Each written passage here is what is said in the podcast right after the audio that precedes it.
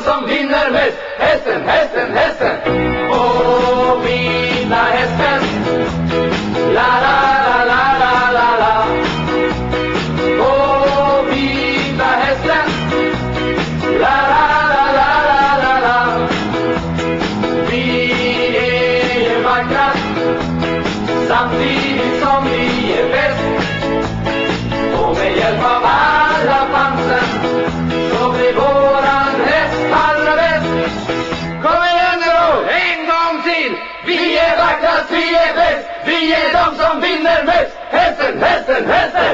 Innan vi drar igång dagens avsnitt, återigen, glöm inte bort Akta Fans Podcast, finns på Instagram och Twitter.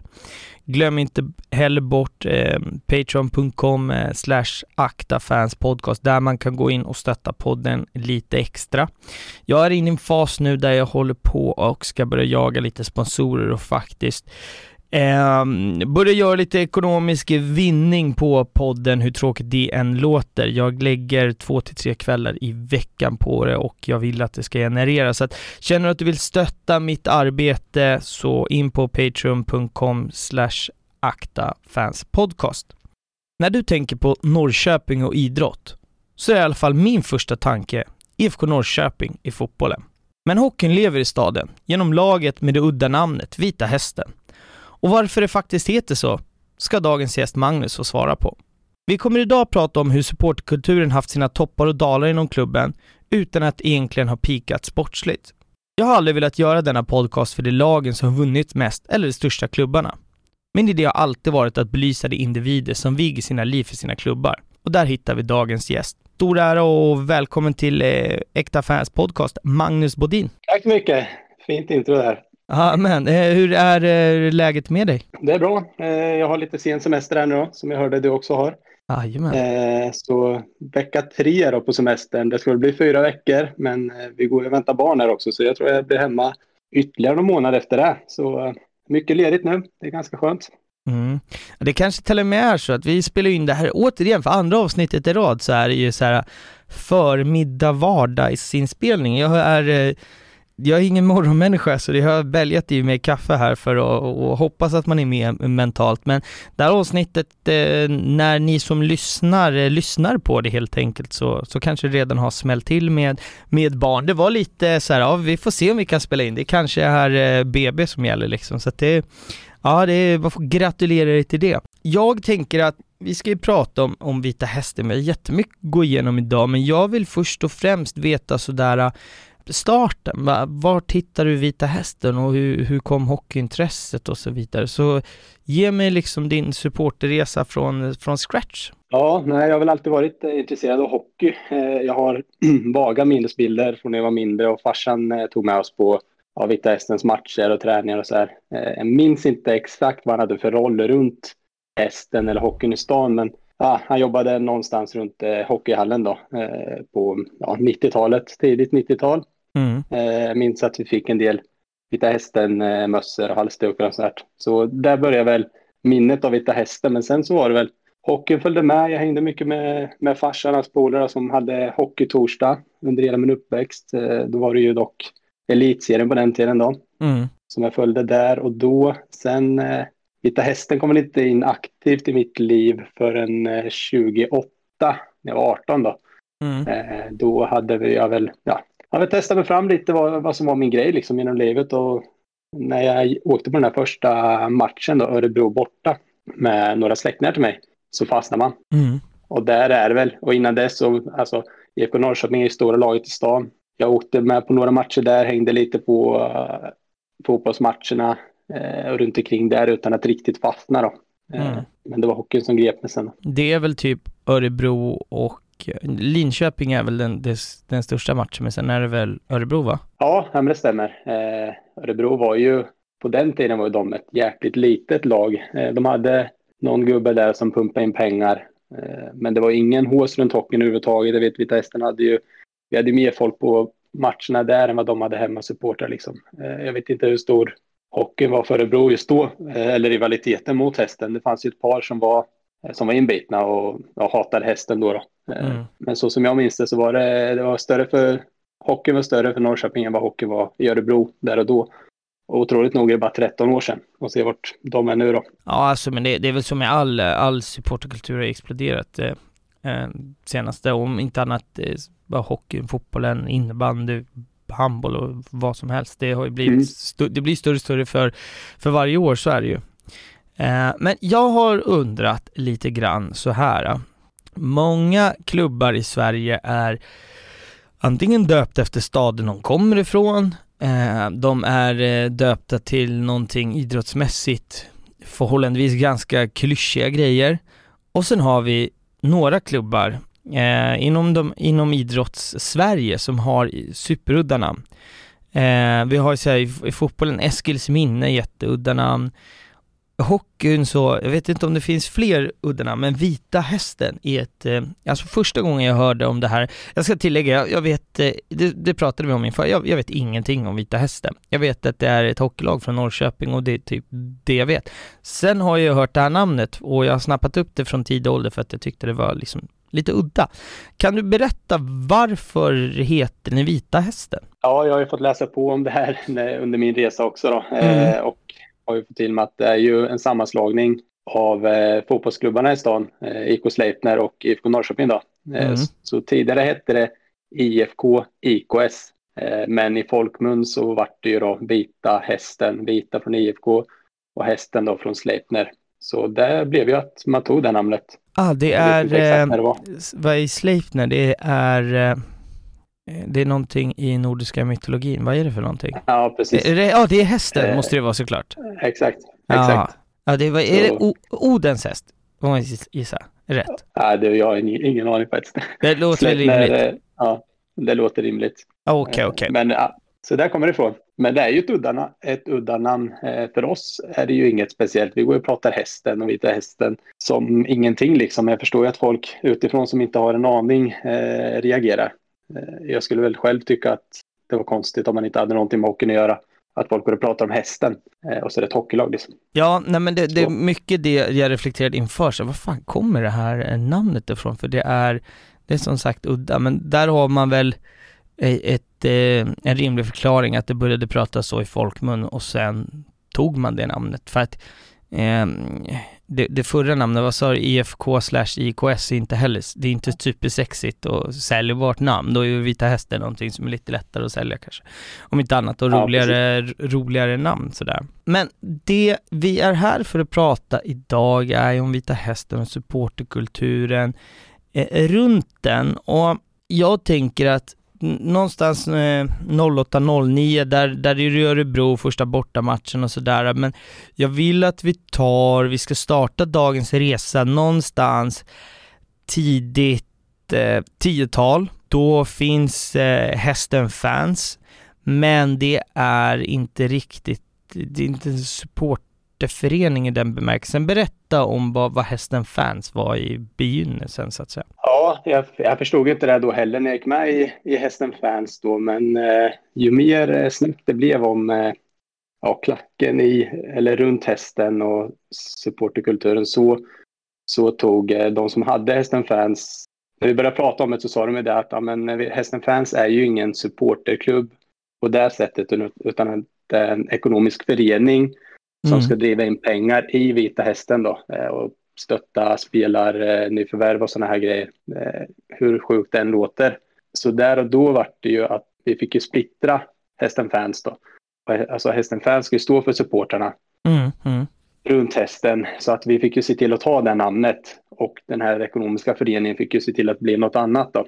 Så det fick ju bli en splittring där då, då vi delade upp den ekonomiska föreningen och sen gjorde en renodlad supporterklubb då. Eh, Okej. Det var lite, lite gnissel där om att när vi skulle ja, kanske subventionera bortaresor eller om man skulle satsa på någonting till klacken och så här så fanns det inga pengar i Hästen Fansföreningen då för att de pengarna skulle ju gå till Vita Hästen då Mm. hur otroligt den låter. Eh, Så det var, det var lite tjafs där och då, eh, men vi lyckades komma överens till slut om att det bästa vore att dela upp så att det vart olika föreningar. då.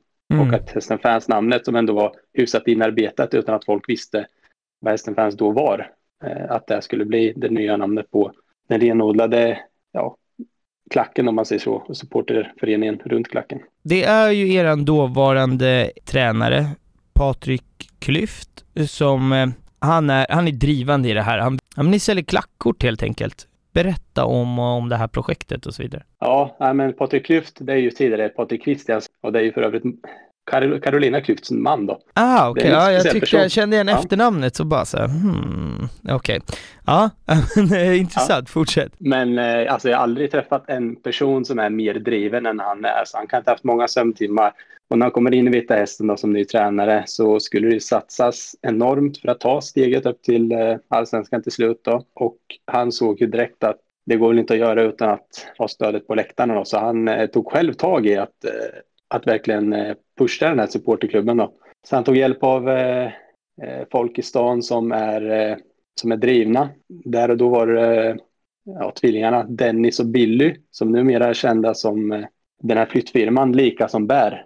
De hade något, de hade ett, ett vilande hockeyintresse där och då, men de brinner enormt för det de gör så att eh, de hjälpte oss då att få igång det här och verkligen pusha. Och med hjälp av klubben som egentligen gav oss fria händer så kunde vi gå ut med ett eh, jättebilligt klackkort och vi hade jättemycket folk då som kunde hjälpa till att driva igenom det här. Och vi i, i och runt testen fick ju en jäkla push av det här så det var ju ganska lätt att, att spinna vidare på det här. Då. så, ja, vi krängde med klackkorten 600, 699 spänn då eh, och då skulle det vara, jag tror det var 22 matcher kanske det ingick i det här klackkortet då.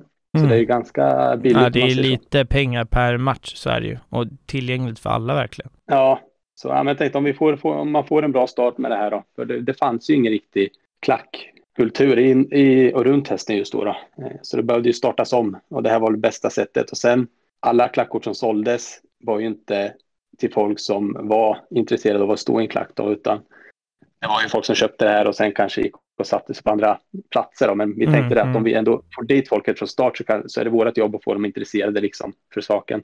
Och det blev ganska bra ändå. Jag tror vi sålde en 120 klackkort och det band ändå ihop klubben. Det var en jäkla sammanhållning, eh, även från spelare, tränare, de som styrde klubben och supporterna. Så det var ju ett jäkla go runt testen där. Ni fick ju tillgång till någon slags lokal där också i typ på stan. Berätta om det. Ja, nej, det var via klubben och samarbetet med eh, något företag där som hade en eh, lokal i city. Eh, det viktiga var ju att synas för att få ut det här budskapet att folk skulle börja intressera sig för hockeyn i stan. Eh, mm. Så vi satt där, jag tror, alltså jag var nog där varenda dag under hela den där sommaren inför säsongen då och krängde de här klackkorten. Vi fick dit spelare, tränare. Ofta var det ganska dött då, men det vart ju mer och mer hås. Jag vet att en, en polare här till mig som var med i eh, nystartade supporterklubben där då, eh, mm. Var tatuerare bland annat. Så vi såg ju till att få in i den här lokalen i stan som var helt öppen då när folk gick förbi. Eh, se till att han tatuerade olika grejer. Han tatuerade in hästen-loggan på magen på en av, eh, en av de här i vår supporterklubb då. Jättestor hästen-logga på magen. Jag vet att jag tatuerade hästenmärket där och då också på mm. armen någon tatuerade in att den hatar LOC. Ja, det, var, det var en jävla rolig grej där och då. Ja, men, men det, det, det förstår jag. Och det ekonomiska runt, alltså det stod klubben och den här sponsorn för, så ni behövde egentligen inte dega för det, utan det var bara som för, för att hjälpa klubben i, i slutändan, eller? Ja, precis. Nej, det kostade ingenting, utan vi fick vara där hur länge vi ville, eller ja, dagtid då, så länge city var öppet. Förklara för mig, vi, vi nämnde det lite i introt och du, du har ju nämnt, själv nämnt det att alltså Norrköping som idrottsstad, det är ett superklassiskt fotbollslag och hur, hur alltså, är det en hockeystad också?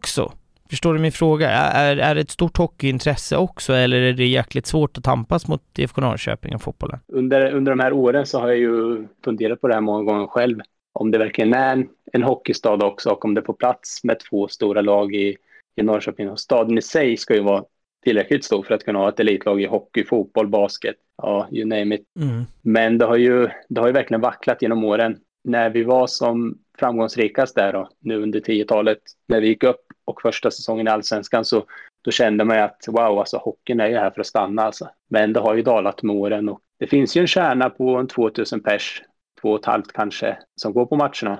Ja, jag vet inte. Det, det, behövs ju, det behövs ju framgång. Det är ju en typisk medgångsstad det här också. Det är ju framgången som lockar folket. Och det såg vi där och då när hästen tog klivet och faktiskt lyckades ta sig till SHL-kval där första säsongen i Allsvenskan. Då. Nej, vi, vi kommer ju prata om det också, hur, hur jag vet inte om man ska säga supporterkulturens uppgång och fall. Vi, jag vet inte om det är hela sanningen, men på, på ett ungefär, typ så. Vi kommer ju gå igenom lite vad, som, eh, vad som händer här 14, 15 och de, de åren så att säga. Men ni, ni försökte ju med den här lokalen, du, du berättade också för mig att ni, ni försökte liksom bygga hypen eh, i stan, prydde med jävla massa banderoller och grejer. Berätta om, om det. Ja, men det var ju för att ingen skulle missa att det var en ny satsning på hockeyn och ja, i alla fall från supporterhåll. Eh, alltså lagmässigt och truppmässigt och så här så har ju hästen satsat under alla år där i division 1 för att ta klivet i allsvenskan. Då, men att verkligen visa att supporterna var med på tåget där så vi prydde hela stan med, info eller med stora banderoller med information om klackkortet, hur, mm. vad det kostar liksom, att hockeyfest i Norrköping. Ingen skulle missa att det var något stort på gång om man säger så. Ja, det var ju stort på det. Alltså, det var ändå tredje ligan i hockey, så att jag tycker vi fick eh, ganska bra drag på det där och då. Mm, någonstans så, så är det väl så här, det är lite liksom so far so good. Det händer ju någonting speciellt och unikt och någonting som jag tror att du, du var inne på lite grann som, som du gärna pratar varmt om och vi ska här tjuvstarta lite. Vi har ju ett, eh, liksom ett segment, ett away days, som är de flesta som lyssnars favoritsegment. Vi ska sno en match därifrån faktiskt och tjuvstarta lite. Sen kommer det ett riktigt away det senare i avsnittet. Men jag vill att du berättar för mig om Troja borta 2014. Jag vill att du först berättar vad det är för typ av match, eh, förutsättningen inför den, berättar om den dagen och den känslan. Eh, hästen har ju varit med i de här slut, eh, i playoff och kvalspelen under alla år som jag har följt hästen här sedan 2008. Men aldrig lyckats ta klivet i allsvenskan och har alltid fallit på, det är ju jäkligt märkliga playoffspel i division 1 för att ta sig till allsvenskan. Mm. Och man har alltid lyckats eh, halka på sista om man säger så. Men här, den här säsongen, 13-14, eh, hade vi fått in en ny tränare, Pelle Hånberg, som numera är ganska välkänd i Hockey-Sverige. Där då var han väl inte det, men det, var, det kändes som ett oslagbart lag under hela säsongen. Eh, och när man går in i kvalserien eh, så möter vi, jag vet inte om den första matchen är nog, jag tror första matchen är Troja hemma faktiskt, och Troja är ett allsvenskt lag då. Mm. Det är en kvalserie med sex lag, fyra lag från division 1, två lag från allsvenskan. Just det. Det är ju en jäkla hås i himpar och 4000 pers. Och vi, jag tror att vi slår Troja här med 8-5 i första matchen. Och vi är division 1-laget och de kommer från allsvenskan. Mm. Eh, och det här, det här spinner vidare genom hela kvalserien. Hästen har eh, men med allting med sig liksom. Även om man inte spelar bra så lyckas man men ändå vinna matcherna. Man vänder 0-3 läge till vinst och så vidare. Det kändes som att inget kunde stoppa och det såg ju vi eh, här i mitten på kvalserien att fasen den här matchen borta mot Troja i näst sista omgången, den kan avgöra allting. Så att eh, vi i supporterklubben tillsammans med jäkligt driven, eh, på den tiden tror jag han var säljare, så att han kunde verkligen det här med att sälja in en produkt då. Mm, mm. Hur, eh, ja, produkt, hur tråkigt den låter. Men vi sålde in den här borta resan. Eh, vi sa det att ja, men vi ska se till att bjuda på den här resan för alla supportrar som vill när vi äntligen tar steget upp till allsvenskan igen. Mm. Så att eh, vi samlade, samlade in pengar då, fick ihop en hel del pengar, eh, drog ut den här bussresan då. Så alla som ville fick, fick åka med. Just det, ni kallade det röd torsdag, eller hur? Stämmer. Och där kanske var en lite tankevurpa där och då eftersom att Troja har rött som sin hemmafärg då. eh, men grejen var ju mer att att det ska vara en röd dag liksom, när hästen tar steget upp. Ah, alltså jag, jag, jag, jag förstår tänket och det, alltså ur jag som också jag har aldrig jobbat med någonting annat än att sälja eh, någonting. Ah. Och, och jag köper säljpitchen i ett vit torsdag, låter så jävla deppigt. Alltså jämförelsevis med röd torsdag. Eh, så att jag, jag köper eh, tänket bakom faktiskt. Så. Eh, fortsätt berätta om röd torsdag. Ja, nej men det är så att det blev ju så. Eh, vi bokade upp alla biljetter på bortastå där. Jag tror det fanns, eh, ja men man hade väl rätt till 150 platser och det var vad som fanns i den här hallen då. Men vi sa ju det att vi blir ju fler liksom. Eh, vi bokade upp sju bussar så det var i alla fall 350 och jag tror att de sa att det fanns 400 platser. Så att vi bokade upp allt det direkt och de här platserna gick ju åt direkt eh, utan problem. Och vi såg ju då att eh, vi fick in rätt mycket pengar på stödet från sponsorer runt den här resan. Så vi beställde hem tischer då, röda tischer med Vita Hästen så att alla skulle vara enhetliga.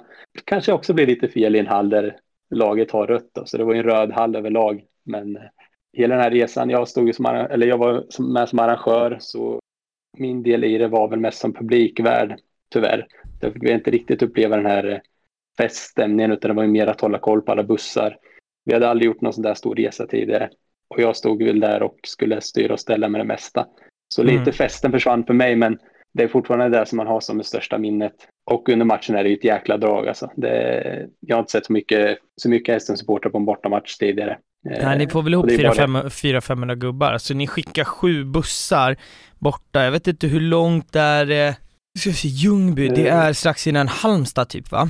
Är eh, det, är, ja, men det är ju, nej det är E4, det är E4 söderut. Eh, åker förbi Jönköping mot, mot Helsingborg tror jag det är. Ja, nej jag vet bara att jag, den enda gången jag varit i Ljungby är stanna och käka eh, lunch och bolaget paus när jag skulle till Halmstad på någon bortamatch för ja. sedan. Enda gången jag varit där, jag har varit här en timme totalt.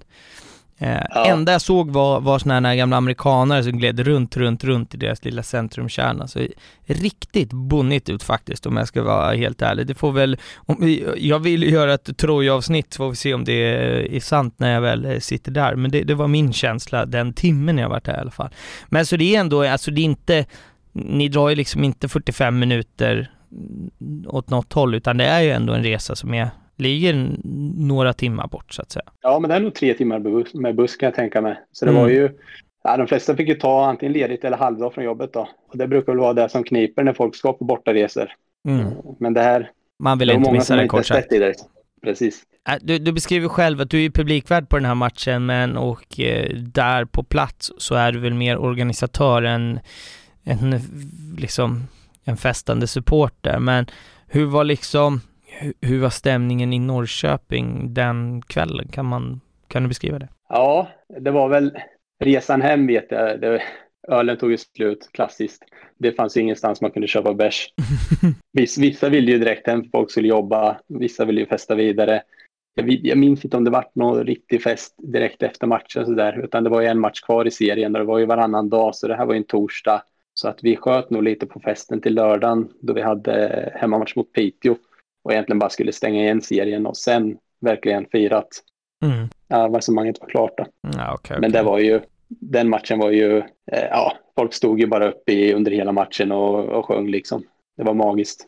Det finns, det finns många klipp på YouTube ifrån det här. Det var, det var en och samma ramsa som ekade hela tiden liksom. Det var bara glädje. Ja, vi ska se, eh, vi kommer självklart eh, lägga upp i klipp från Röde Torsdag på eh, Aktafans podcast, Instagram och Twitter. Det är väl eh, kanske det självklaraste klippen eh, från, från det här avsnittet. Eh, sådär. Det som ska tilläggas här, eh, som jag har förstått så är ju du du är ju ordförande i, i Hästen Fans här under, under några år och du sitter ju som ordförande också under tiden ni faktiskt kliver upp. Så när du är här som organisatör så är det inte bara någon som har tagit dig på måfå, utan du är ju ordförande i officiella supportergrupperingen, inte sant? Det stämmer. Och, och, det är ju, man kan ju inte riktigt släppa loss på samma sätt som, eh, eller jag kunde i alla fall inte det. Det var det känns som man har lite ögonen på sig, att man ska föregå med gott exempel och så vidare. Så det blir väl, så här efterhand är det lite tråkigt när man tänker på det så, men där och då var det ju skitkul såklart. Jo, det, det förstår jag. med på den där resan. Berätta lite om ditt, alltså, ja, men ditt arbete inom om Hästens fans som, som ordförande och sådär. Vilka, alltså vilka frågor drev nu? Hur, hur jobbar ni sådär? Eh, ja, men man gick in i det här med som ett blankt papper liksom. Eh, jag hade ingen koll på supporterkultur överhuvudtaget. Det har inte funnits någon klack eh, kultur i Himmelstalundshallen eller runt Vita Hästen tidigare. Jag vet att det har varit några försök under några år, liksom har stått på olika sektioner. Har aldrig riktigt fått fäste så här. Eh, Himmelstalundshallen har ju ofta varit eh, en enda stor gryta. Det har varit, ja men under storhetstiden, det var 4 000 sjungande och gapande supportrar. Det var väl ingen som, som riktigt hade eh, någon uttalad roll att vara klack sådär. Då. Så det har aldrig riktigt fått fäste eh, med det här med klackkulturen. Nej. Så det var ju någonting vi försökte ta tag i där och då. Och det var väl egentligen där vi skulle driva eh, som supporterklubb. Eh, jag vet vi hade en, eh, när vi gick upp så stod vi i hörnet i hallen eh, på ena sidan då. Ganska bra, det var mycket folk, få plats mycket folk i, i ett sånt här hörn då. Det eh, kan väl jämföras med Södertäljes hemmastå kanske om folk har koll på det. Så man står liksom, eh, vad blir det då, som en trekant i hörnet. Mm, mm. Och, men sen när vi gick upp då så var ju fokus att få till en hemmastå på en kortsida. För klubben, när man gick upp i allsvenskan så vart det ju de här säkerhetskraven och så vidare. Så man placerade ju borta stå precis i anknytning till hemmastå. Som vi hade den här tårtbiten i hörnet så hade borta supportrarna kortsidan på samma sida. Okej. Hur galet den låter. Och så var det de första två säsongerna i allsvenskan. Så Ja. kom, ja du som aik jag vet inte, ja, du kanske inte varit på en hockeymatch uppe i Himpa. Nej, Eh, så, men, nej, men det brukar ju, ja, det kommer i alla fall mycket, AIK är en typisk match. Där det kommer mycket supportrar, det finns mycket aik runt om Norrköping. Det brukar ganska, bli ganska välfyllt. Och att ha sektionerna bredvid varandra, så det är upplagt för stök, Mm, okej. kan man ju säga. Ja, Eh, det, det låter som det- om inte annat, när man inte har riktigt tänkt igenom arenaplaceringen. Så nej, men det vi jobbar på var väl egentligen att få en renodlad ståplats. För eh, vår klacksektion var ju med stolar också. Det fanns ingen ståplats i Himmelstalundshallen överhuvudtaget. Utan det var där vi drev. Mm. Eh, och annars var det väl mest att försöka få folk att komma till, till klacken då. Och, Mm. och ha det som kärna i hallen. Att det är klacken som ska styra, styra sången och så i hallen då. Även om alla såklart rycks med. Så det var väl egentligen där drev. Ja, och, om man säger så här att det här blir väl det, det, det, liksom det enskilt lyckligaste ögonblicket när, när ni kliver upp sportsligt då. Här någonstans, första året i, i Hockeyallsvenskan så skulle man väl också kunna säga att ni pikar, alltså supporterkultursmässigt också. Är jag rätt på det då? Ja, ja men där. Det, det, var, det hade varit mer folk i, i klacken och runt bortamatcher och sånt där än vad det var där och då. Be- berätta lite om den här liksom första säsongen ni kommer upp i Hockeyallsvenskan. Du har själv nämnt det lite i, i försnacket som vi har haft om, om att det liksom här, här bubblar det.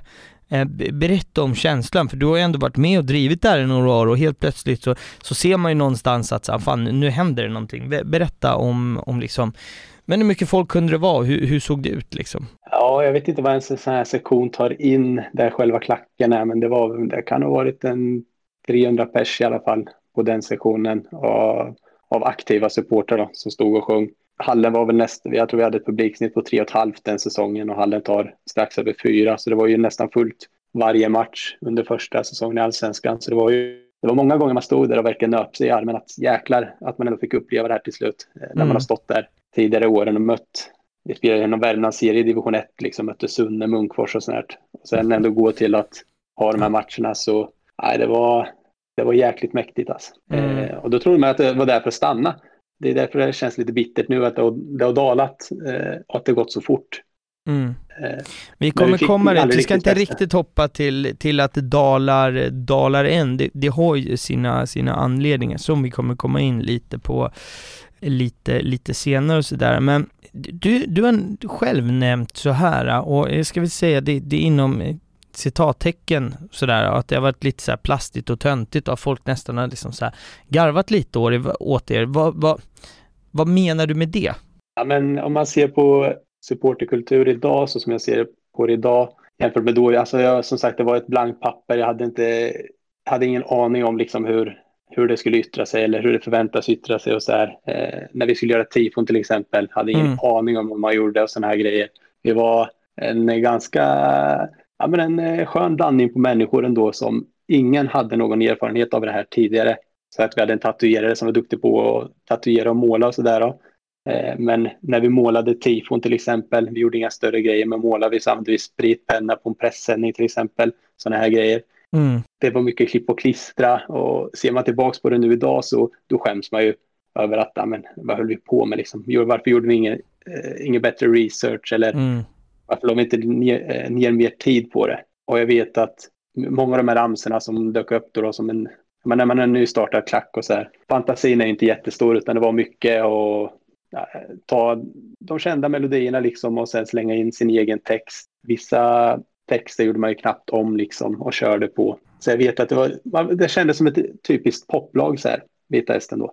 Mm. Eh, som- som kom upp och ja, men kändes lite plastigt. Och det är väl så jag ser på det eh, nu, på hur det var då. Så, Men det, det är väl också så här, så här. nu så, min take på det hela är väl så här.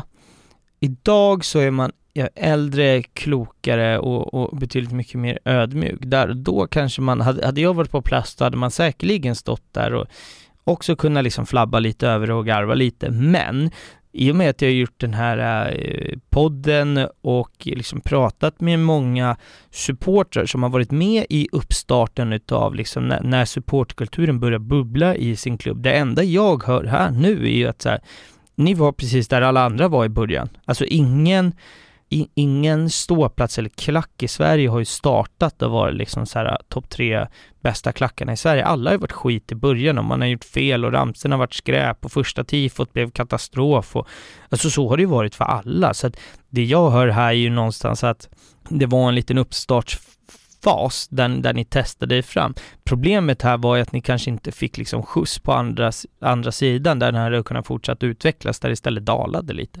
Alltså det, det är väl det jag hör. Är, är jag någonstans liksom rätt på det då? Vad skulle du säga? Ja, nej men absolut, absolut. Eh, och det är ju, jag vill ju ändå ta med det här i det här avsnittet för att lite förklara resan. Eh, och nu så kan, ser man ju på det på det här sättet, men där och då så var man ju verkligen inne i det och jag vet att när man fick de här glidningarna så man var ändå stolt över det man, det man höll på med och hur långt vi hade kommit och sådär. Eh, och som sagt, det var mycket man slog alltså vi vet ju inte hur det funkar. Snacka AIK som kommer dit eh, till exempel. Det är, så, det är så ingrott och det har funnits så mycket längre, längre tid så att som du säger, vi var i uppstartsfasen. Där och då, då tyckte det var skitkul var väl kanske lite stolt över det då, men nu när man kan se tillbaks på det så det är väl bara det. En intressant sak som jag skrattade lite åt, det, det är lite under, under samma period som, men jag skrattade friskt åt det här, 2014, rätta om man är fel på året, jag tror att det är 2014, då välkomnades Niklas, uh, det här efternamnet är, har jag inte uttalat på, Czarnecki, nej, Czarnecki. Czarnecki, oh jävlar! Ja, äh, ja, okej. Okay. Bävade lite för att uttala det här, men uh, kul att jag satt det. Då välkomnar ni honom med uh, en, en budskapsbanderoll. Berätta lite om, det här, det här var skitkul faktiskt. Berätta om banderollen, vart den kommer ifrån och varför den kom till. Ja, nej men Czarnecki då, han ja, hans tränarkarriär kan väl folk eh, googla reda på själva, men han tog över Vita Hästen inför första säsongen i Allsvenskan och då hade han varit arbetslös i två och ett halvt år kanske efter att han fick sparken från Färjestad. Och i Färjestad så var det en, eh, en budis där det stod dra åt helvete Chanecke då, vilket vi, ja, jag vet att det tog, tog ganska hårt på honom då, har han berättat i efterhand. Så att vi tänkte då, jag vet inte vems idé det var, men välkomna honom till eh, Norrköping Vita Hästen med dra aldrig åt, eller dra aldrig åt helvete Shaneki. eh, lite kul, jävligt kul där då faktiskt. Om vi nu var på lite, alltså om vi skojar att det var lite plastigt och töntigt så är det här äh, fem plus i, i snabbtänkthet och eh, otrolig budis ju. Ja men det, ja, men vi körde lite så här sköna grejer då, om man ska säga, ja, jag vill väl inte snacka ner den tiden så om det, om det låter så, det, det är verkligen inte meningen. Eh, så här i efterhand ska man kännas plastigt och töntigt, men vi hade jäkligt sköna grejer när vi, när vi gjorde de här små tifona med spripen och press, pressen. Liksom. Jag vet, vi mötte ju, vi hade några matcher mot LOC, slaget om Östergötland på försäsongerna och så här. Mm. Där vi gjorde om White Lions logga eh, till White Trash.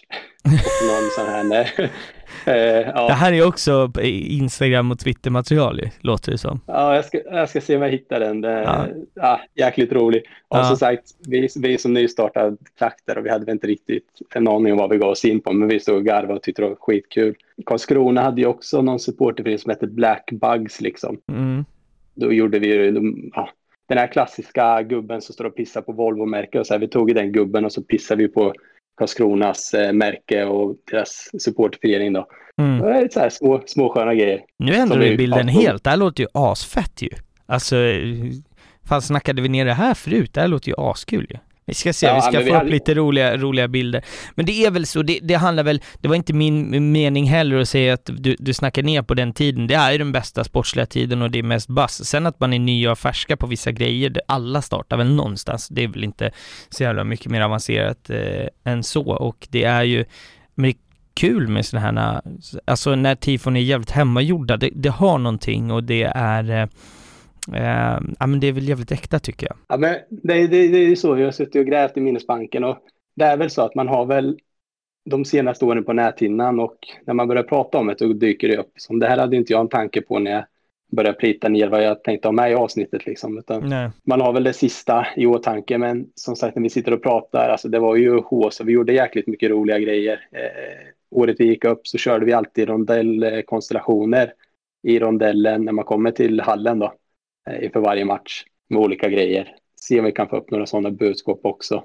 Mm, mm. För ja, ja, men lite så här, ah, fan, jag kommer inte, kommer inte på några på rak arm, men vi kan, jag kanske kan uppdatera med sånt efteråt här. Eh, vi hade någon jäkligt, eh, en skön kille med bra fantasi som alltid inför varje hemmamatch hade någon, eh, någon glidning till borta laget eller någon, eh, någon grej som skulle pusha hemmalaget lite extra liksom. Ja men det där är roligt. Vi kan sätta ihop en liten best of och eh, få ut det på sociala medier tycker jag.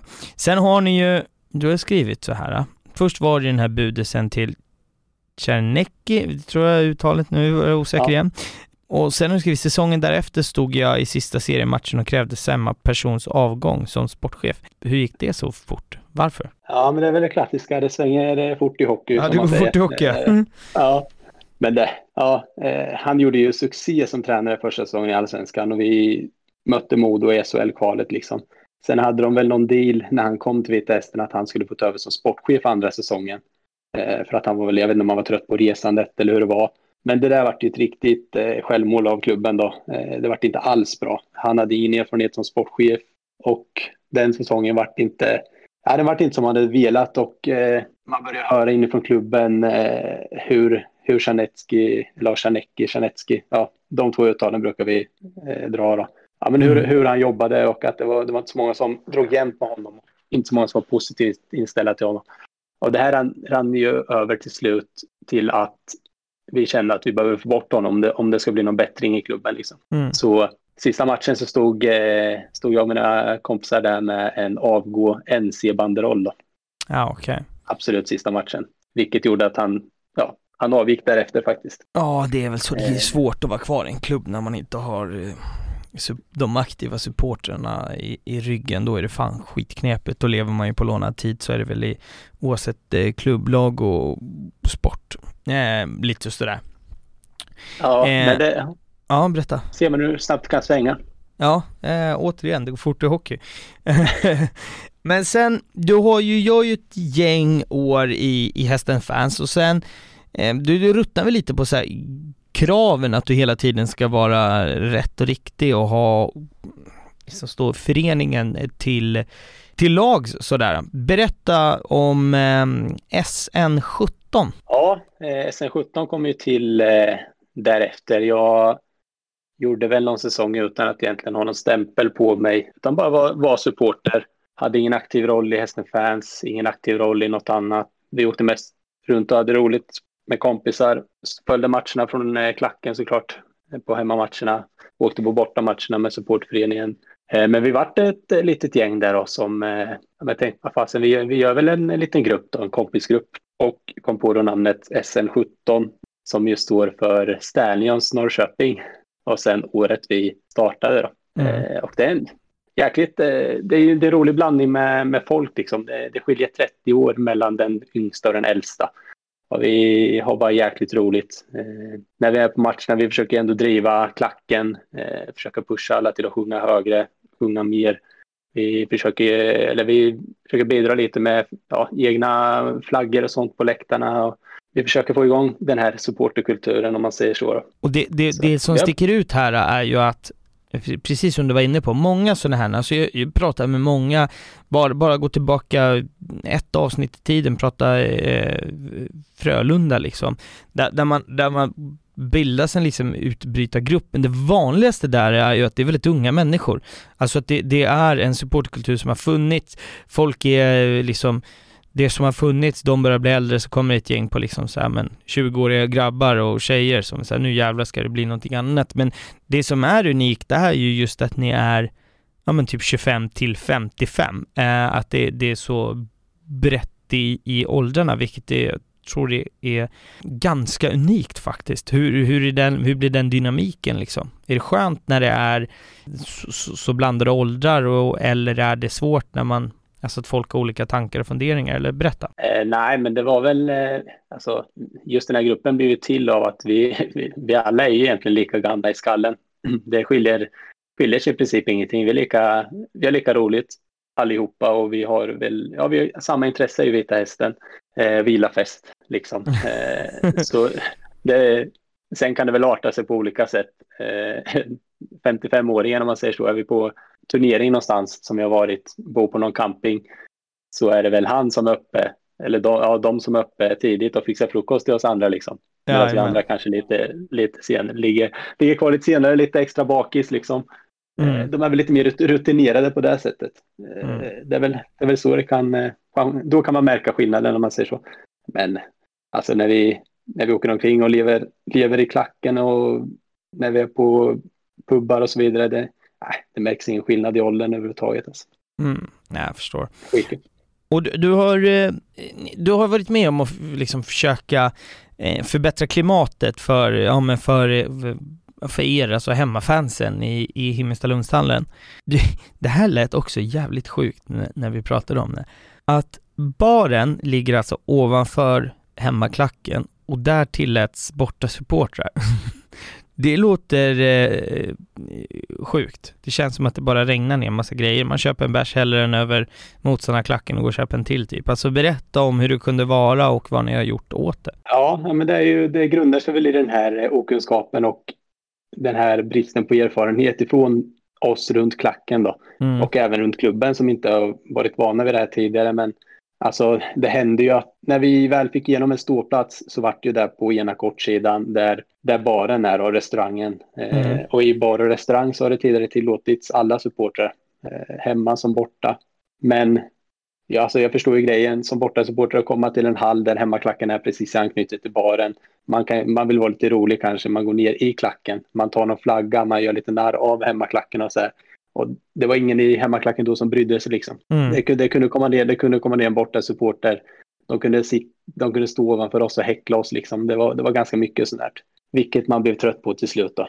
Och vi försökte jobba, jobba mot det här, få klubben att förstå att men det kommer liksom bli stökigt eh, om, om det fortsätter. Man kan inte ta skit i all evighet liksom. Och det var några stökiga hemmamatcher. Eh, ja, du nämnde något om någon SSK-match där, berätta om den. Precis, ja, då var det ju det klassiska, klassiska att SSK hade något långbord uppe i baren och det, alltså ställer de sig bara över räcket så står de ju och kan ta i hu huvudet på den som står högst upp i klacken. Det, det, är, det är så sjukt alltså. Mm. Eh, och vi var ju lite på nedgång där och då den säsongen. Jag tror SSK spöade oss totalt den matchen. Eh, de satt och levde rövare i baren precis ovanför en hemmaklack. Liksom. De hade någon nere i klacken, de häcklade oss konstant. Och till slut så rann det över då. Så att det vart ju rejält vev där i baren, restaurangen. Mm. Eh, och alltså det, klubben eller säkerhet måste ju varit beredda på det här, för jag vet att det var jäkligt mycket poliser där och då den matchen. Och poliserna stod ju också skaka på huvudet och förstod inte hur, hur man kunde arrangera en sån här tillställning och tillåta hemma och borta supportrar precis intill varandra liksom. Ja, det, det låter extremt naivt om inte annat. Precis. Och den här matchen så hade de ju kallat in eh, förstärkning då från Linköping, bland annat Linköpings poliser som inte var vana vid hockeyn i Norrköping heller. Eh, taggade till tänderna liksom. Så det vart ju, ja det vart ganska stökigt där eh, rejält vev inne i hallen under matchen då. Och sen efter matchen så vart det även eh, stökigt utanför hallen då. Mm. Men det var också den här matchen som fick det till slut att, eh, att klubben till slut förstod att vi kan inte ha vilka vakter som helst i anknytning till hemmaklacken, i baren och så här. De som bara står och pillar på batongen, liksom, de, de kan inte vara det, liksom, utan det måste vara en mer...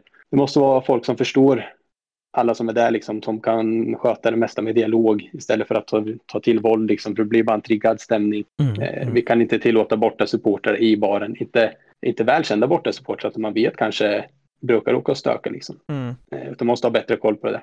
Och sen den matchen så har det faktiskt blivit mycket bättre. Jäkligt skönt och det är väl eh, det, det, låter ju om inte annat eh, som sagt naivt men det är skönt att ni liksom någonstans eh, fick ordning på det. Det som vi var inne på lite, det, det som händer egentligen med supportkulturen är ju också att efter den här uppsvinget eh, så dalar det ju lite grann. Och du, du har nämnt själv som en anledning till det är ju att Norrköping är, det är ingen pytteliten stad, det är heller ingen världsmetropol och det finns ett lag liksom i stan som som eh, är det största idrottslaget. Det, det, det, det, behöver vi liksom inte argumentera om. Och de lyckas ju pricka in ett SM-guld precis när ni är på uppsving. Va, vad hände där och då med intresset? Ja, men det var ju, ja precis. Eh, vi hade ju våran peak där 2015 blir det då. Eh, och våran säsong slutar ju precis när eh, IFK Norrköping gör sin satsning på deras hemmastå då, där det blir en hel kortsida, Kurva Nordahl. Och samma säsong vinner SM-guld liksom, så fokus ändras jäkligt snabbt därifrån hockeyn till fotbollen. Det, det är min egen eh, alltså gissning på hur, hur det ändå kan gå så pass snabbt ifrån att Himpa kokar till att det ändå blir, eh, ja, det kan koka i Himpa fortfarande, men det är kanske någon match per säsong liksom, ifrån att nästan eh, lapp på luckan varenda match. Så mm. det känns som att den där tajmingen var lite fel. Och jag, alltså jag undrar ju också, jag är lokalpatriot så jag undrar IFK Norrköping all framgång sådär. Men eh, det känns som att det kanske kom lite tidigt och att vi inte riktigt fick jobba in den här ja, men hypen som var och kunna mm. rida vidare på den. Liksom. Mm, jag förstår, jag förstår. Men eh, alltså ska man se till his historiken, jag har läst på ganska mycket, säger så här när IFK Norrköping tog SM-guld 89 så var det 4000 pers i snitt på deras matcher. Ja. När Vita Hästen också hade sin storhetstid då, då på den tiden så var det 4000 pers på Vita Hästens matcher. Så där mm. och då var det ju jämnt skägg mellan lagen liksom. Mm. Sen gick ju Vita Hästen i konkurs 96 och sen har det varit en återuppstart liksom för att ta oss dit vi är idag då. Mm. Eh, så det finns lite story där. Men alltså, jag tror att hockeykulturen finns ju i stan, men ja, den har varit vilande. Mm. Är vilande. Ja, nej men och sen är det väl, eh, alltså man tappar ju kanske med, med så risiga sportsliga resultat när man går i konken, så, så tappar man ju en generation liksom eh, hockeysupportrar så, för det är fan deppigt att gå på de här matcherna. Alltså jag vet ju det, eh, jag tror om man kollar, min, min närmaste jämförelse blir ju alltid AIK eftersom det, det är liksom min klubb sådär. Om man pratar hockeysektionen så, jag menar när, när jag gick på mycket hockey med farsan och när det gick som sämst, då var det liksom så här Mälarhöjden Bredäng borta. Eh, jag vet inte om det var någon träningsmatch, men det var ju, vi spelade ju på så små, små arenor och det var ju liksom, det fanns ju, hypen dog ju med att man var nere och vände i, i så låga divisioner. Och, och jag tror att det ligger kvar än idag där man ser att vi, alltså AIK har svårt att fylla hovet trots allt eh, det liksom är en så stor klubb. Det, det ligger nog kvar i och med att nästa generation som då skulle få fatta tycke för klubben och, och, och sporten, de försvinner lite när det är sådana här ja, men, osexiga motståndare eller vad man nu ska säga. Det blir väl lite ja. så, det är min, eh, min tes. Vi har två andra grejer som jag vill att vi ska plocka upp här, Några, två roliga grejer som du har ägnat dig åt. När ni lirar i division 1 så är du kommentator. Berätta om det. Ja, nej, men jag har väl haft eh, de flesta rollerna runt Vita Hästen utan att vara direkt i Vita Hästen. Men hästen var tidiga med att eh, börja webbsända deras matcher. Ja, på den tiden så man kunde egentligen bara följa hästen genom kanske lokalradion eller eh, få en uppdatering på någon eh, livescore liksom. Men eh, hästen via något eh, företag här i stan eh, började sända matcherna och behövde kommentator. Så att, eh, jag tänkte, ja men det, det är kul liksom, det, det hoppade jag på. Så jag körde det. Mm. Vi var två stycken som körde det. Det var under några säsonger. Vi åkte, ja, sände alla hemmamatcher och sen så några bortamatcher. var nere i Nybro, Mariestad, Jönköping, ja men you name it, lite överallt liksom. Skövde, mm. jäkligt kul. Man, eh, man lever lite sin, eh, sin barndomsdröm sådär. Om man ja, säger definitivt. så. Liksom, kommentera hockey liksom. Eh, sen var man väl kanske inte så opartisk som man bör vara, men ofta när, man, när vi sände matcherna liksom från eh, Skövde till exempel, det var ju inga Skövde-supportrar som köpte de matcherna, utan det var hästens supportrar. Eh, ja, men så är det ju. Sen kan det bli lite fel när man kanske har hemmamatcher och man sitter och jublar åt ett mål, men ah, den, eh, det var en jäkligt rolig tid i alla fall. Ja, men det förstår jag. Det är väl, Alltså, jag tror alla som är supporter och brinner för det, där har man ju en dröm om att jobba inom den egna klubben. Alltså jag menar, hade ja. AIK ringt mig imorgon och erbjudit mig vad fan som helst, alltså exakt vad som helst, det tackar jag utan att blinka. Så, så är det ju. Det, det är ju den eviga ja. drömmen så att säga. Och sen en annan grej som du håller på med är ju precis det vi gör eh, just nu, poddar, fast det är ett litet annat forum. Du är ju poddproffs här egentligen. Berätta om ditt poddande. Ja, men det är jag och en kompis som har eh, podden Spearing och spelsinne, eh, fina namnet, eh, som han själv startade för några år sedan. Jag tror det var då häst, ja, 2015 där någonstans när, eh, när vi pikade. Då hade han det med en annan eh, kompis, men som vi har tagit tag i på senare år då. Och vi har försökt podda under säsongen har vi poddat en gång i veckan liksom. Mm. Fått till det ganska bra. Eh, vi har haft eh, gäster i form av spelare och tränare från klubben. Men annars så vi brukar mest bara snacka ner matcherna, snacka upp matcherna, motstånd och så vidare. Jäkligt nördigt runt Vita Hästen eh, och det är jävligt roligt. Nej, jag förstår det. Jag, eh, jag kollar ju på grabbarna i Testa Större och är mäkta avundsjuk på, på, på dem som får sitta och, och, och, bara prata AIK. Men å andra sidan så är jag så jävla nöjd att jag får komma i kontakt med sådana eh, människor som dig, där jag har fan ingen grundkoll överhuvudtaget. Så får man träffa någon som bara har fan ägnat eh, sitt liv åt en klubb som jag inte har någon aning om. Jag tycker att det är så otroligt jävla eh, häftigt och, och, och, och givande att visa vad, vad, hur viktig supportkulturen är för, ja, men för hela jävla samhället och för, för människor i stort sådär. Jag tänker att vi ska studsa in på away days. Vi har tre stycken matcher här som jag ser väldigt mycket fram emot att få eh, höra om. Först så ska vi till Världsmetropolen Grästorp Away 2011. Det blir en stökig historia. Berätta om eh, det. Ja, eh, alltså otroligt att ens få iväg en buss till Grästorp faktiskt. När man vart, vart ligger ens men, Grästorp? Ja, vart ligger det? Vi brukade ju ta vägen över Jönköping och åka upp mot Skövde. Det ligger ju där någonstans liksom. Jag är inte jättebra på geografin heller. Nej, någonstans alltså, mitten fyra, i... Fyra, ja, fyra timmar resa bort liksom. Att det är fan stort. Det är med fyra timmar resväg till Grästorp. Det är stort att få en buss. Det håller jag med om. Ja, men på den tiden vi fick ofta det, det var ju, man kunde ju inte följa hästen på så många sätt liksom, utan det var ju att sätta sig på en buss och se matchen live då. Mm. Så det var väl lite roligare på det sättet för så man tog sig till de här ställena liksom. Men vi hade ingen erfarenhet av eh, Grästorp som så. Vi såg det som en rolig grej. Vi var ju så pass eh, mycket större än Grästorp som eh, hockeylag och allt sånt där. För dem var det ju stort när Vita Hästen kom dit liksom. Mm. Eh, men man fick ju, ja det är lite speciellt.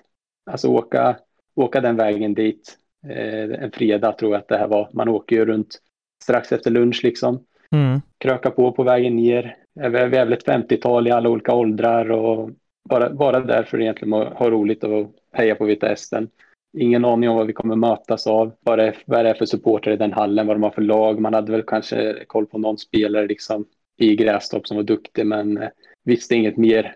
Eh, men vi kommer dit. Det är ju en hall då, kommer inte ihåg vad den här hallen heter men jag tror det är en hall som är, sitter ihop med något badhus och något sånt här. Ganska ny hall då. Ja, men. Det är så här klassiskt. Eh, läktare på två sidor, en lång sida och en kort sida. Mm. Så att ena långsidan är i princip bara spelarnas eh, avbytarbås. Mm. Mm. Går in ett par hundra i den hallen liksom. Träläktare. Det det är fint när man tänker efter. Det Klassisk, det är eh, ja klassisk som satan.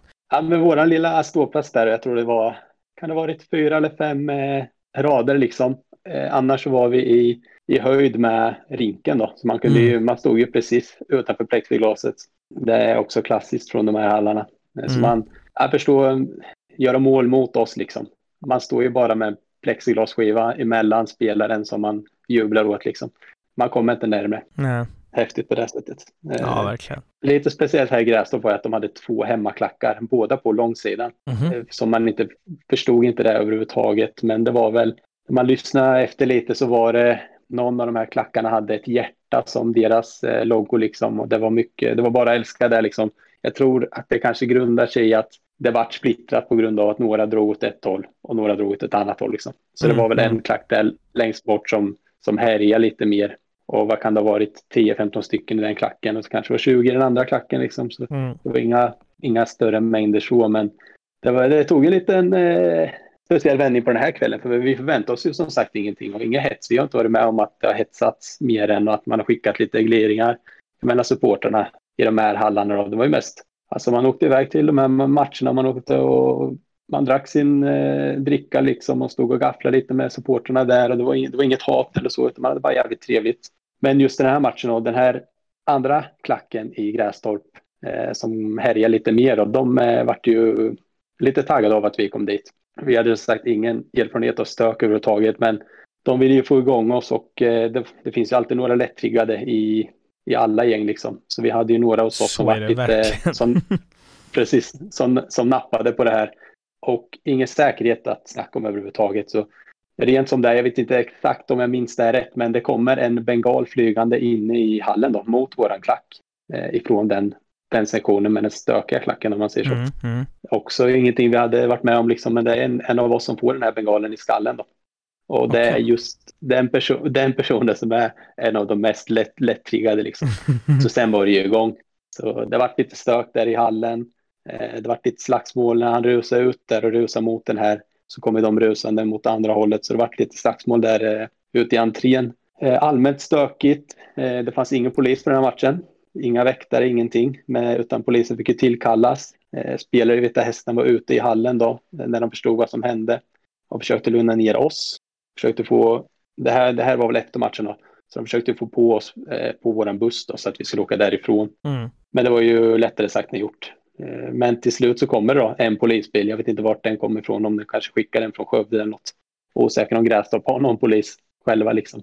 Eh, de försöker reda upp den här situationen, kommer på våran buss och påstår, eh, eller plockar en kille då, som har blivit utpekad av den andra gruppen, Grästorps supportrar, att han har varit mest aktiv och att han ska ha slagit slagit till någon av de här. Då. Men eh, alla vi på den här bussen, ingen hade ju sett någonting. Så polisen hade inga vittnen mer än de supporterna. Och de såg väl det mest som att, ah, bara vi får iväg dem härifrån liksom, så är det överstökat. Så det var så att våran buss då efter matchen fick poliseskort ut från Grästorp och de följde oss väl några mil innan, innan vi kunde åka hem då.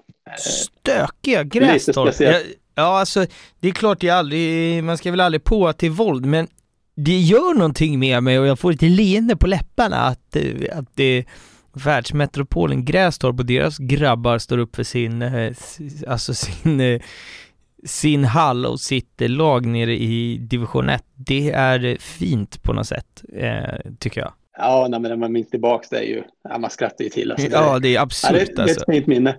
Alltså när jag läste vad du hade skrivit på dina, dina liksom bortamatcher, så här, Grästorp, så vad fan ska vi hamna här nu liksom? Men ja, eh, ja. spännande. ja, eh, men det är ju, ja, just, just runt hockeyn om jag får lägga till, alltså, mm. Det är ju så jäkla mycket matcher. När jag börjar mm. gräva i den här away days eh, segmentet så är det ju mm. så här, jag vet inte hur många bortamatcher jag har varit på. Det, det har varit allt från Kiruna, Visby, jag har varit i Norge. Det liksom, man har ju varit överallt och följt Vita Hästen. Jag har varit mm. på ställen som man inte, som jag aldrig skulle åka till om det inte vore för hästen. Liksom.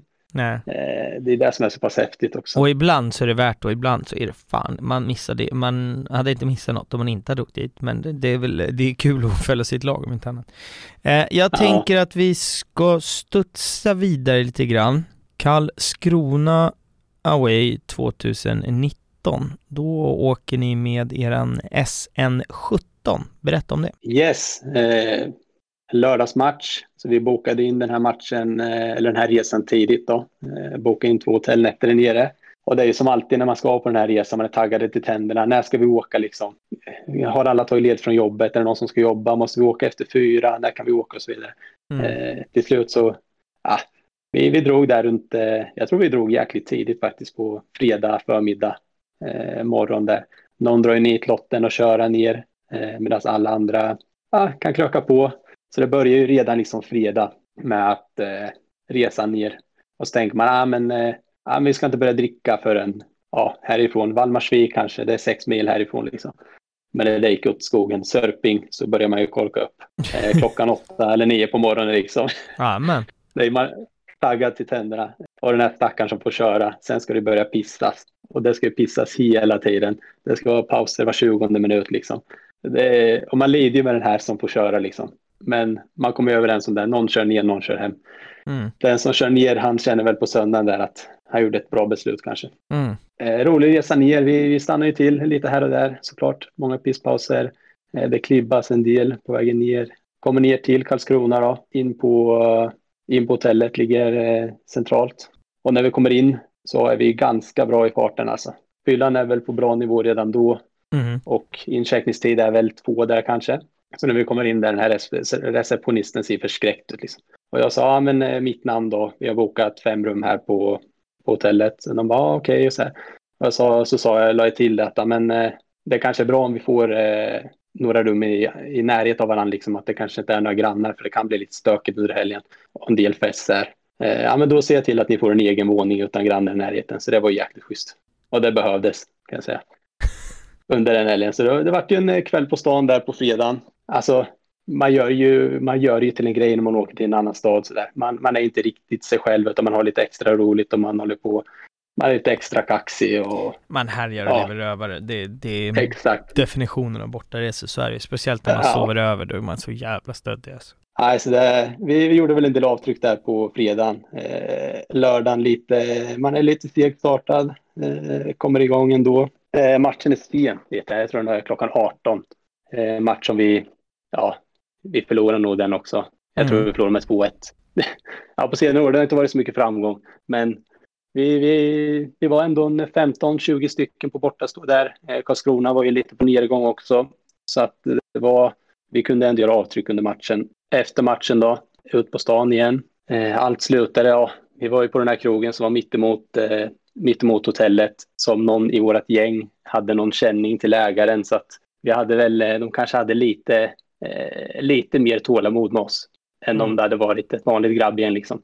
Vi fick, eh, vi, fick härja loss ganska bra där inne. Tog över dansgolv och någon var lite extra muckig och skulle mucka gräl och slutade med att alla vart utkastade. En vart utkastad två gånger. Okej. Eh, Alltså, han försökte komma in en tredje gång liksom. Ja, de bara rycker tag i luvan på honom och bara nej, inte en gång till. Ut bara, bara hopp. Det, fanns, det finns ju små krogar i en sån här stad, liksom, krogen som fanns.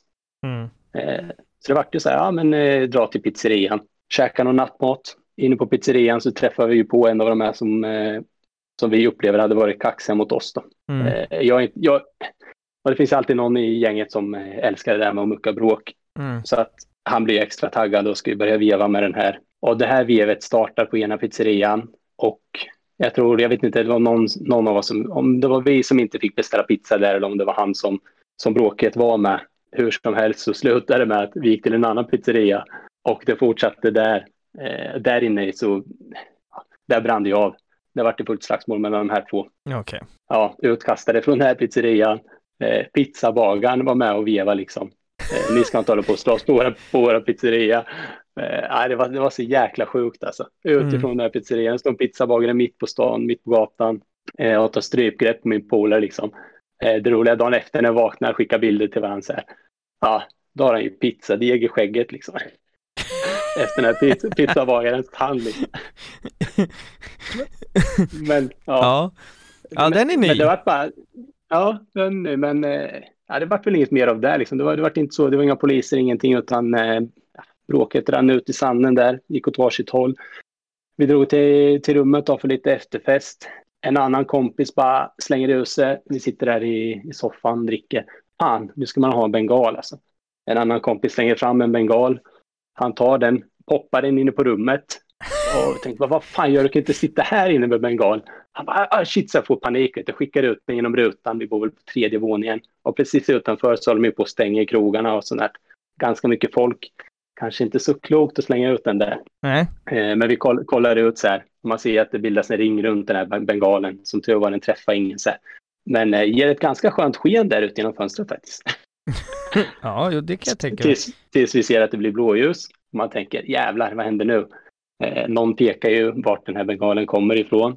Eh, kollar ut, ser att poliserna går in på hotellet då. Går ut i korridoren, lyssnar och då, då är det inga, då och trappuppgången är ju öppen sen ner till reception så man hör ju när de pratar. Polisen kommer in och frågar och de säger ja men det måste vara, det är de där på våning tre liksom. Jag Bara shit, okej vad händer nu? Alla, alla mina polare får ju panik, springer in på sina rum. Jag är på väg ut ur rummet också, tänker. Sen men fastnar i farten och tänker, vad fan, det är mitt namn som står på alla rum liksom. Det är bara att ta den här. Vänder, öppnar alla fönster liksom för att försöka vädra ut den här krutdoften. Plocka bort sprint och allting till bengalen för att, ja men det var inte här inne det kastades något liksom. Eh, försöker spela cool. Det knackar på dörren. Jag håller dem lite på halster, öppnar efter ett tag så här. Tänker att ah, men här inne försiggår ingenting. Liksom försöker spela på att ah, men man är bara där. Eh, det händer ingenting här liksom. Och då är det ju poliser i hela korridoren där, knackar på alla dörrar. Men så fort jag öppnar dörren då ser den här polisen vrider på huvudet och, och ropar till de andra bara det här. och bara hopp, tänker vad fan händer du nu? Du trodde lukten var borta, det var den ju inte. Nej, inte alls. Eh, utan de set, trycker in mig i rummet, där sätter mig i en fåtölj mitt i, mitt i rummet, sitter där i kalsonger.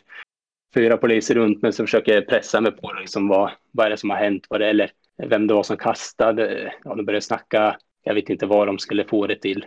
Såklart, det var inte så jäkla smart att slänga ut en bengal om den träffar någon i huvudet eller om det börjar brinna på någon eller vad fasen som helst. Liksom. Nej. Men eh, ja, de försöker pressa, pressa mig där då. Jag vet ingenting. Det är liksom, ja, vad fan ska man säga liksom. Jag vet ingenting. Det är bara tysta ner det. De, de kommer ingenstans. Eh, de fattar ju så ja, ni är här för, för hockeyn eller visar sig att en av polisen är en gammal eh, hockeyspelare i Karlskrona. Aha, okay. Roligt nog. Eh, han kanske fattar det där lite mer, liksom grejen att åka runt då. Men jag får höra sen i efterhand i alla fall de här andra poliserna som är i det andra rummet med mina polare, de försöker pressa dem till att liksom, nu sitter eran polare i det där rummet, han får ta all skit, de kommer plocka in honom, han kommer åka på det här, det här, det här om inte ni säger något. Liksom.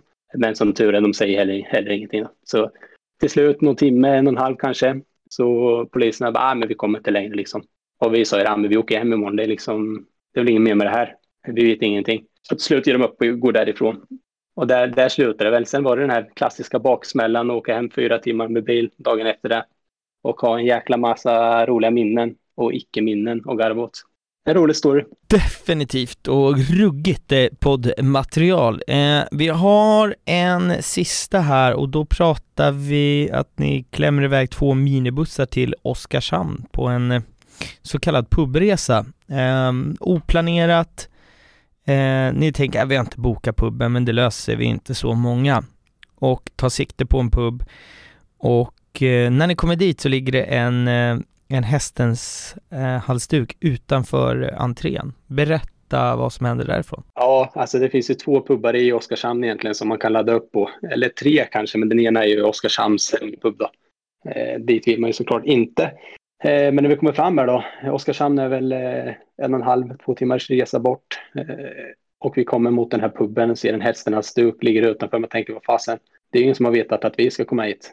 Sen när man tänker efter, varför ligger en halsduk på marken? Och så vidare. Tar upp den här halsduken och kliver in på puben och ser då 15 eh, svartklädda grabbar liksom. Eh, I baren så står det en eh, bartender i LOC-tröja.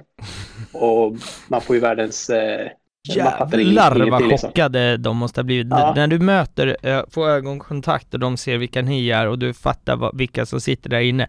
Det måste ha blivit en sån jävla stand-off och bara, vad händer nu? Exakt, och tänker vad fasen, liksom Oskarshamn, vi var i allsvenskan, LOC, SHL, liksom, vad gör, mm. vad är LOC-grabbar här i stan liksom? Mm. Men vi tänker, vad fasen gör vi då? Vi kan ju inte fega ur när vi öppnat den dörren, så vi kliver in liksom. Inget mer med det. Uh, man hör ju lite så här när man kliver in. Fan, de är 15, vi är 15, vi kör liksom. Men vi är ju inget slagsmålsgrupp på det sättet. Nej. Så att det var väl inget vi hade intresse av. Men det vart ju, och sen så var det någon i vårt gäng som kände någon i deras gäng och så här, så det vart väl, det var en spänd stämning kan man säga under hela tiden vi var där. Men det var ändå så här, ah, det funkar. Men vad fan gjorde de där då? Då var det ju så att en gammal LOC-spelare som spelade i Oskarshamn, Aha, som okay. de här grabbarna känner, så att de gör till en, en årlig resa för att eh, ja, heja på honom då och göra en grej av det. Sitta och kröka lite och heja på just den här spelaren då. Ja, fint så, ändå. Men eh, ja, alltså den men... slumpen är ju helt otrolig ju. Nej, jag fattar ingenting. Och, alltså under min uppväxt, vi har inte spelat i samma serie som LOC, så att det här hatet mot LOC finns ju där. Det är ju en stadsrivalitet och som hästens supporter är man uppfödd med att man gillar inte Linköping. Liksom. Det, det sitter djupt. Som sagt, vi är inget slagsmålsgäng, men alltså hade vi velat eh, ta fighten där och då, då, de hade ju inte bangat. Det fanns ju inte en chans. Men det var ju en rolig, rolig start på den här resan. Så vi kliver in, vi, vi, ja, vi dricker en del där inne då. Eh, men vi går eh, lite senare till den andra puben då och sen till, eh, till matchen då. Och där, alltså Oskarshamn är en av de, eller det var i alla fall, nu, vet, nu spelar de SHL, men en riktigt bra bortamatch. Eh, klacken i och för sig kanske inte är så bra, står i ena hörnet och man ser kanske inte jättebra, men eh, ganska bra uppstyrt så här med, man har egen, eh, ja, schysst eh, ingång där med egen bar. Eh, mm. De säljer, de säljer shots, eh, de har bra, bra dricka liksom. så det var ju lätt att man drog upp. Ja, jag tror det var Jäger också. Såklart. Den är ju, Såklart. Den är ju vidrig. precis. Men alltså, i vårat gäng, jag tror inte det är någon som minns den här matchen. Tyvärr. Egentligen är det ju matchen man är där för. Men eh, vi hade så jäkla roligt. Men bra här på läktaren liksom. Vi, vi vann nästan alltid läktarmatchen när vi var där. Det är en bra resa liksom. Vi är många... Hästen har ganska bra bortafölje. Eh, för då samlas man ju ändå ihop på, på bortastå liksom. Alla Mm. de här som sitter på, sitter på sitt plats på hemma, hemmamatcherna, de ställer sig ju borta, stå på borta. Så det Mm. blir ganske bra tryck. Ja, det är många som därifrån- lever ut när man väl kommer på bortaplan, så är det ju. Ja, men det är det. Men skitkul. Vi åker därifrån. Eh, Det är, det är bara allmänt, eller allmänt stökigt under matchen, men det är liksom det är bara hög fylla egentligen. Eh, Mm. Det var någon som blev nekad att köpa alkohol liksom i andra pausen. Men den är väl klassisk också. Ja, det är Eh, klassiker. Ja, en lite ro rolig grej. Det klibbades ju under matchen och är man full, man tänker sig ju inte för vad, alltså man ser ju, man ser ju bara det som är närmast runt en. Man tänker inte på omgivningen i övrigt. Precis. En polare sätter en klibba högt upp på en stolpe där, eller en det. Han hoppar liksom upp och sätter den. Precis bredvid honom så står ju en polis. Eh, så när han har satt dit den där skitnöjd, kollar åt sidan så står ju polisen där. Kollar på honom, kollar på klibban. Du tar ner den där, sa han. Och så stod han ju bara, vad fan, hur ska jag nå den där nu? Han har ju ändå hoppat upp och klistrat dit den liksom. Amen. Eh, lite jobbigt, men han fick ju göra det. Det var inget mer med det. Mm. Men sen ah, på vägen hem då, sätter oss i bussarna igen. Eh, jag vet inte om det var på vägen därifrån. En polare drar av en bengal. Öppnar sidodörren på bussen, liksom drar av en bengal ut med den ur bussen. Det var lite tufft sådär. Sidodörren åker igen. Han sitter med bengalen i bussen, i, på de här mittenplatserna i bussen då. Så att han, han, han håller på att bränna upp håret på, på polen som sitter på passagerarsätet längst fram liksom. Och vi sitter där och bara, alltså, vad håller du på med? Bara, vad ska jag göra? Vad ska jag göra? Sitter med en i höger hand, kan, har väl en öl i vänster liksom, kan inte öppna dörren. Får lite panik, får stanna, öppna dörren, kasta ut den där. Eh, som tur var, det, det var faktiskt inga brännmärken någonting i bussen. Luktade gott hela hemresan sen också. Ja, jajamän, jajamän. Eh, men det är så här roliga grejer man får för sig när man är lite full. Ja, eh, det är bortamatcher, fan det finaste vi har. Så är det verkligen. Du, vi har Ja. haft ett eh, fantastiskt samtal. Tiden har sprungit, eh, sprungit på ordentligt här. Jag tänker att eh, vi ska knyta ihop, men innan vi gör det så är det någonting som, eh, som du känner så att vi har missat eller som du vill lägga till. Ordet är fritt här. Nej, men eller jag kommer säkert komma på något i efterhand när jag lyssnar på det här. Att det kanske varit lite neggigt mot eh, den här tiden tidigt liksom. Men eh, jag hoppas att jag binder ihop det ganska bra ändå. Ja, nej men liksom- det var, det var, det, det ska vi väl understryka här mot, eh, mot slutet också. Det var nog jag som uttryckte mig eh, fel där också, att det är inte det vi vill komma åt. Det vi vill komma åt var ju att ni var ganska nya och, och färska på vissa grejer, vilket gör att man inte är världsmästare på någonting första gången man gör det. Det är väl det vi ska konstatera. Men Exakt. det vi också ska konstatera är ju att eh, ja, men supporterkulturen runt eh, Vita Hästen lever och frodas och det är du ett, eh, ett jävla superbevis på. Eh, I och med att du har levt med klubben i, ja vad blir det nu, 15 års tid typ och gjort allt och lagt ner hur mycket tid som helst. Med många med dig ska också tilläggas sådär. Så att inget, eh, inget mål ska liksom läggas över den tiden. Det är den bästa tiden sportsligt och den bästa tiden supportermässigt. Och jag menar att, att Vita Hästen och att ni skickar ja, dels Röd Torsdag i 500 pers nere i, i, i Ljungby på, med en klubb med den storleken är mäktigt och att ni skickar bussar varenda match i, i Hockeyallsvenskan i princip, det är också stort och det är mäckigt. Så att eh, nej, det, jag håller med dig, vi ska inte eh, svärta ner eh, den tiden sådär. Men då har väl jag egentligen bara en eh, sista fråga kvar och det är vad är supporterkultur för dig? Eh, ja, supportkultur. Eh, ja, men en gemenskap. Alltså, det vill jag väl ändå säga att den här gruppen jag är med i är ändå ett ganska bra bevis för. Liksom.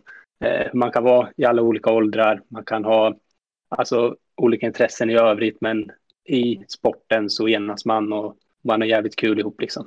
Eh, brinner för en och samma sak. Det är väl supportkultur för mig. Mm, mm. Jag eh, håller med dig och för er som lyssnar jag tjatar om det, eh, ber om ursäkt för det men det är viktigt för mig och det är också ert sätt att visa att ni eh, förutom att lyssna, eh, mitt sätt att visa att ni bryr er, det är ju att eh, nå podden på sociala medier. Jag svarar på allt ni skriver om ni har tankar, funderingar, tips och så vidare. Det är bara att höra av er med, med vad som, vad ni än eh, tänker, eh, positivt, negativt, eh, sådär. Eh, så att in där och glöm inte heller eh, eh patreon.com slash eh, aktafanspodcast. Eh, Tackar vi för visat intresse så hörs vi nästa måndag. Ha det fint. Ciao.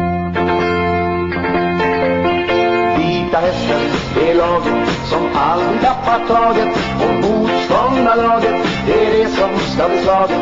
Varje kille ska nu kämpa så att segern vi får hämta Ja, och ju mer humöret det är det som tusen gör Ut i vita länder. Träffas vi Våran klack, den ska väl ej få Ja, det är hästens starka gäng Som sällan ger men tar poäng.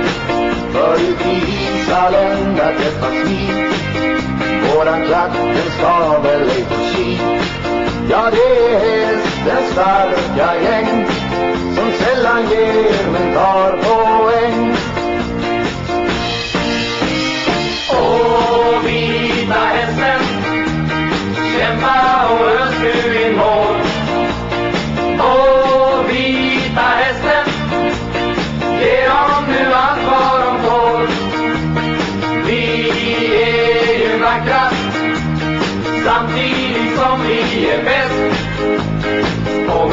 av alla fansen, så blir våran häst allra bäst.